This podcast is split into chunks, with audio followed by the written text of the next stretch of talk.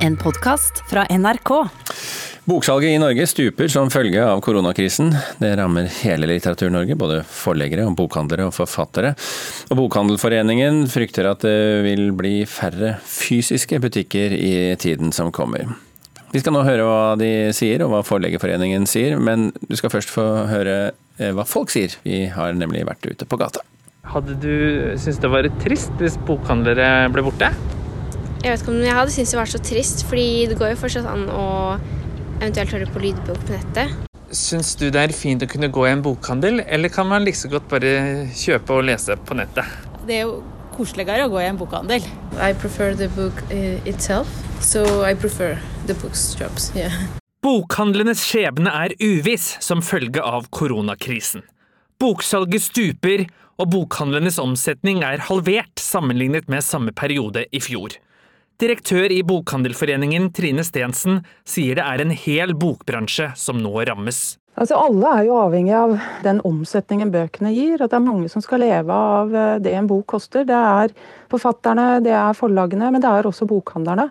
Så alle er jo avhengige av hver eneste solgte bok. Så når, eh, når det selges færre bøker, og det tjenes mindre penger på, på det salget, så, så rammer jo det alle. Også forleggerne merker sviktende omsetning. Kristen Einarsson, direktør i Den norske forleggerforening, beskriver situasjonen slik. Den er eh, alvorlig.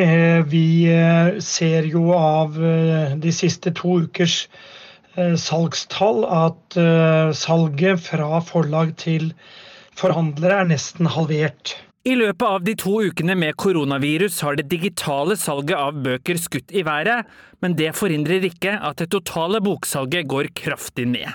Nesten to av tre forleggere er nå i ferd med å begrense virksomheten eller midlertidig stenge, og Einarsson er ikke i tvil om hva han frykter mest.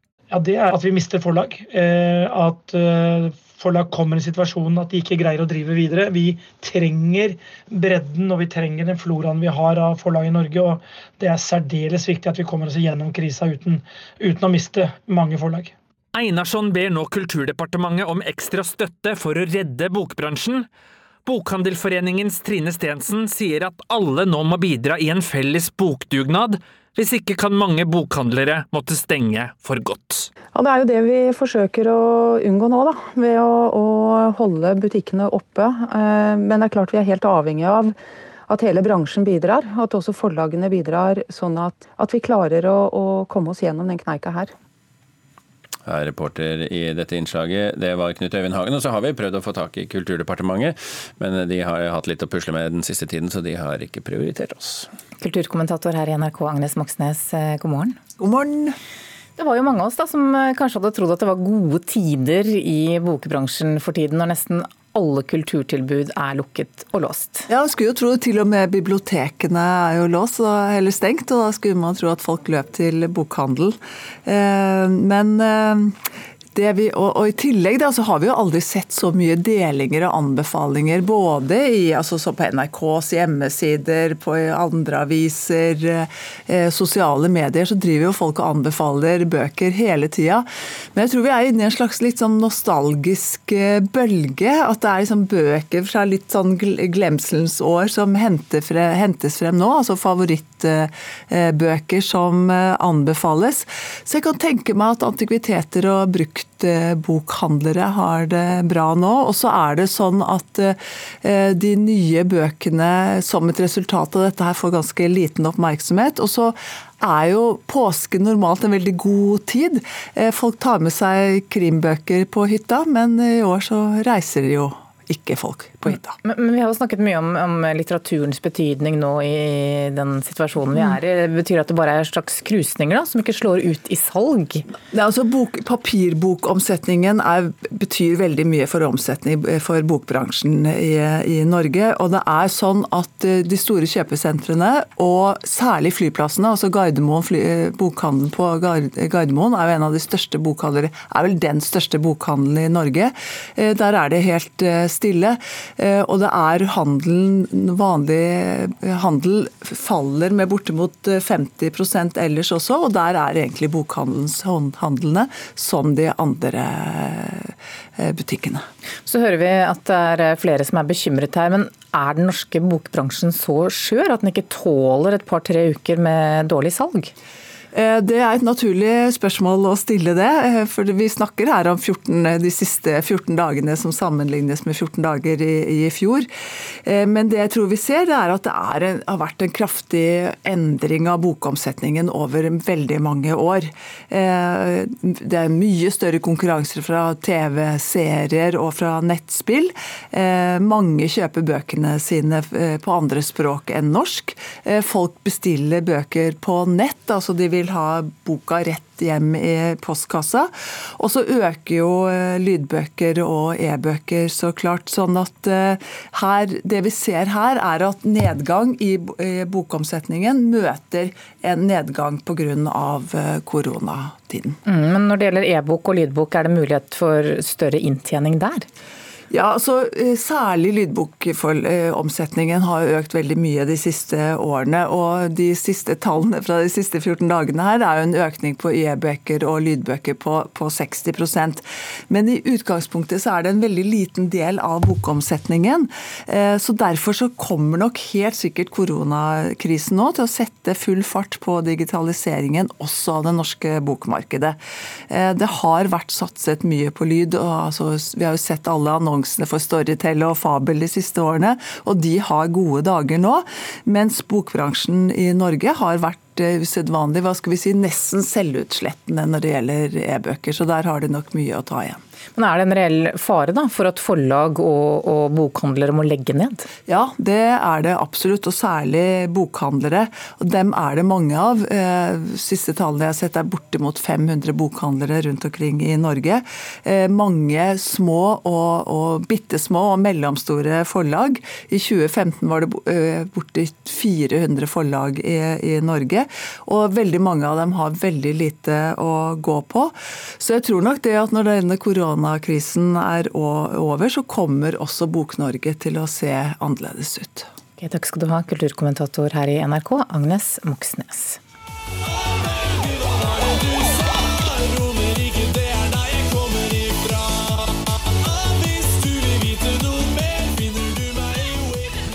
Se for deg 14 000 eh, gærne russ eh, i Stavanger-området som hopper og danser og spretter og har det gøy det bildet kommer ikke til å skje i år, for koronaviruset har satt en eh, stopper for russefeiringen. Mange russ har jo da kjøpt billett til arrangementer som ikke blir noe av, og da er spørsmålet skal de få pengene igjen? Kulturreporter Heder Ørbekk Eliassen, hva er svaret? Vel, mandag kveld så fikk russen som har kjøpt billetter til landstreffet i Stavanger beskjed om at de ikke får penger tilbake for billetten de har kjøpt, men heller alternativer for eh, eh, eller kompensasjon, som man egentlig kan si. Eh, og det er det veldig mange som reagerer på. Noen av de tilbudene de får, er et festivalpass til musikkfestivalen Palmesus i Kristiansand, eller to sesongkort til Kongeparken utenfor Stavanger.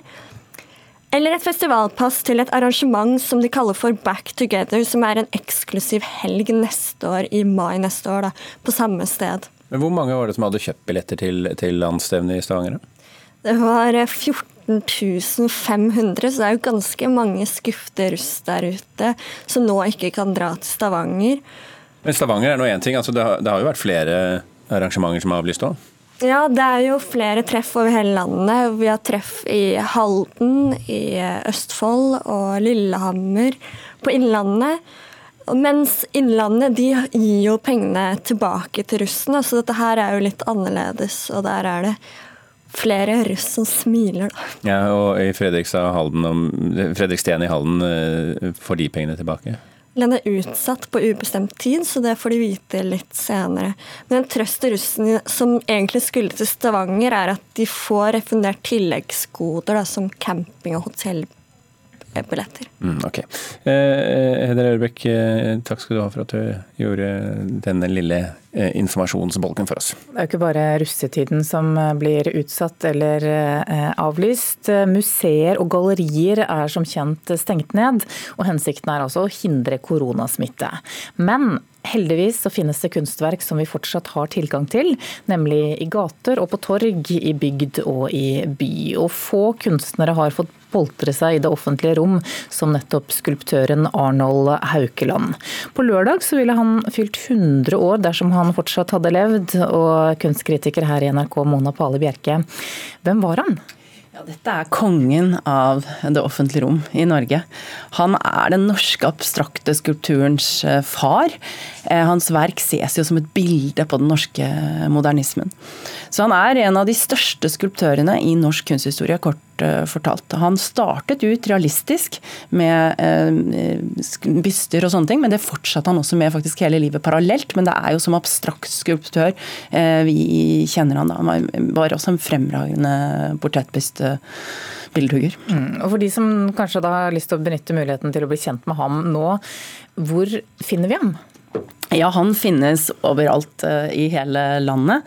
Uh, men altså selv så har jeg jo et veldig sterkt forhold til disse som vi har her i Oslo. Etter mange år på Blindern så har jeg et inderlig forhold til skulpturen Air, som da siden 1962 har tronet på Fredrikkeplassen, universitetscampusen der. Uh, også det praktfulle monumentet Dynamikk ved Frognerstranda er det ligger nært mange Oslo-borgeres hjerter. Han var jo veldig opptatt av det forholdet mellom sted og skulptur, og kalte Frognerstranda for Oslos vakre lille lille Riviera. Men han har jo satt sitt preg på mange andre steder enn en hovedstaden, selvfølgelig. Utenfor Stensmuseet i Bergen så eh, er det den spinkle, vakre skulpturen, skulpturen Rød vind som henter sitt navn fra den varme Chirocco-vinden. Det er solskulptur utenfor Henny Onsdag kunstsenter i Bærum. Og det er også denne fantastiske lydskulpturen som han har laget i samarbeid med Arne Norheim, 'Ode til lyset', som står i Skjeberg. Og den er da 20 meter høy og sender ut sfæriske klanger. Og utenfor sykehuset i Sarpsborg nevnes helt til slutt. Eh, trekkfuglene er abstrahert da i denne skulpturen 'Fugleflukt'. Mm, så vet vi at Gjennom tidene så har han blitt kritisert for sine stålskulpturers litt harde og kalde uttrykk. Men titlene er jo ofte poetiske, da, som, som 'Fugleflukt' og 'Rød vind'. Ja, ja i, i, motsetning til f.eks. Åse Texman Rygg, som er vår andre store pioner på den abstrakte skulptur, så forlot han aldri det figurative helt, eh, i den forstand at han gjennom titler og, eh, og, på en måte gjennom de organiske formene da tidvis refererer til naturen. Men han har nettopp denne spenningen mellom dette harde, litt sånn krystallinske, renskårne uttrykket og disse naturlyriske titlene, hvor han fører sammen noe poetisk, romantisk og noe rasjonelt, stringent og, og kjølig. Og gir denne brytningen. Mm. Hvis vi skal oppsummere litt, denne jubilanten, hvem er han den vi nå feirer? Lærer. Ja, Haukeland eh, han sa selv at om kunsten ikke kan redde verden, kan den i hvert fall gi oss noen menneskene lyse stunder iblant.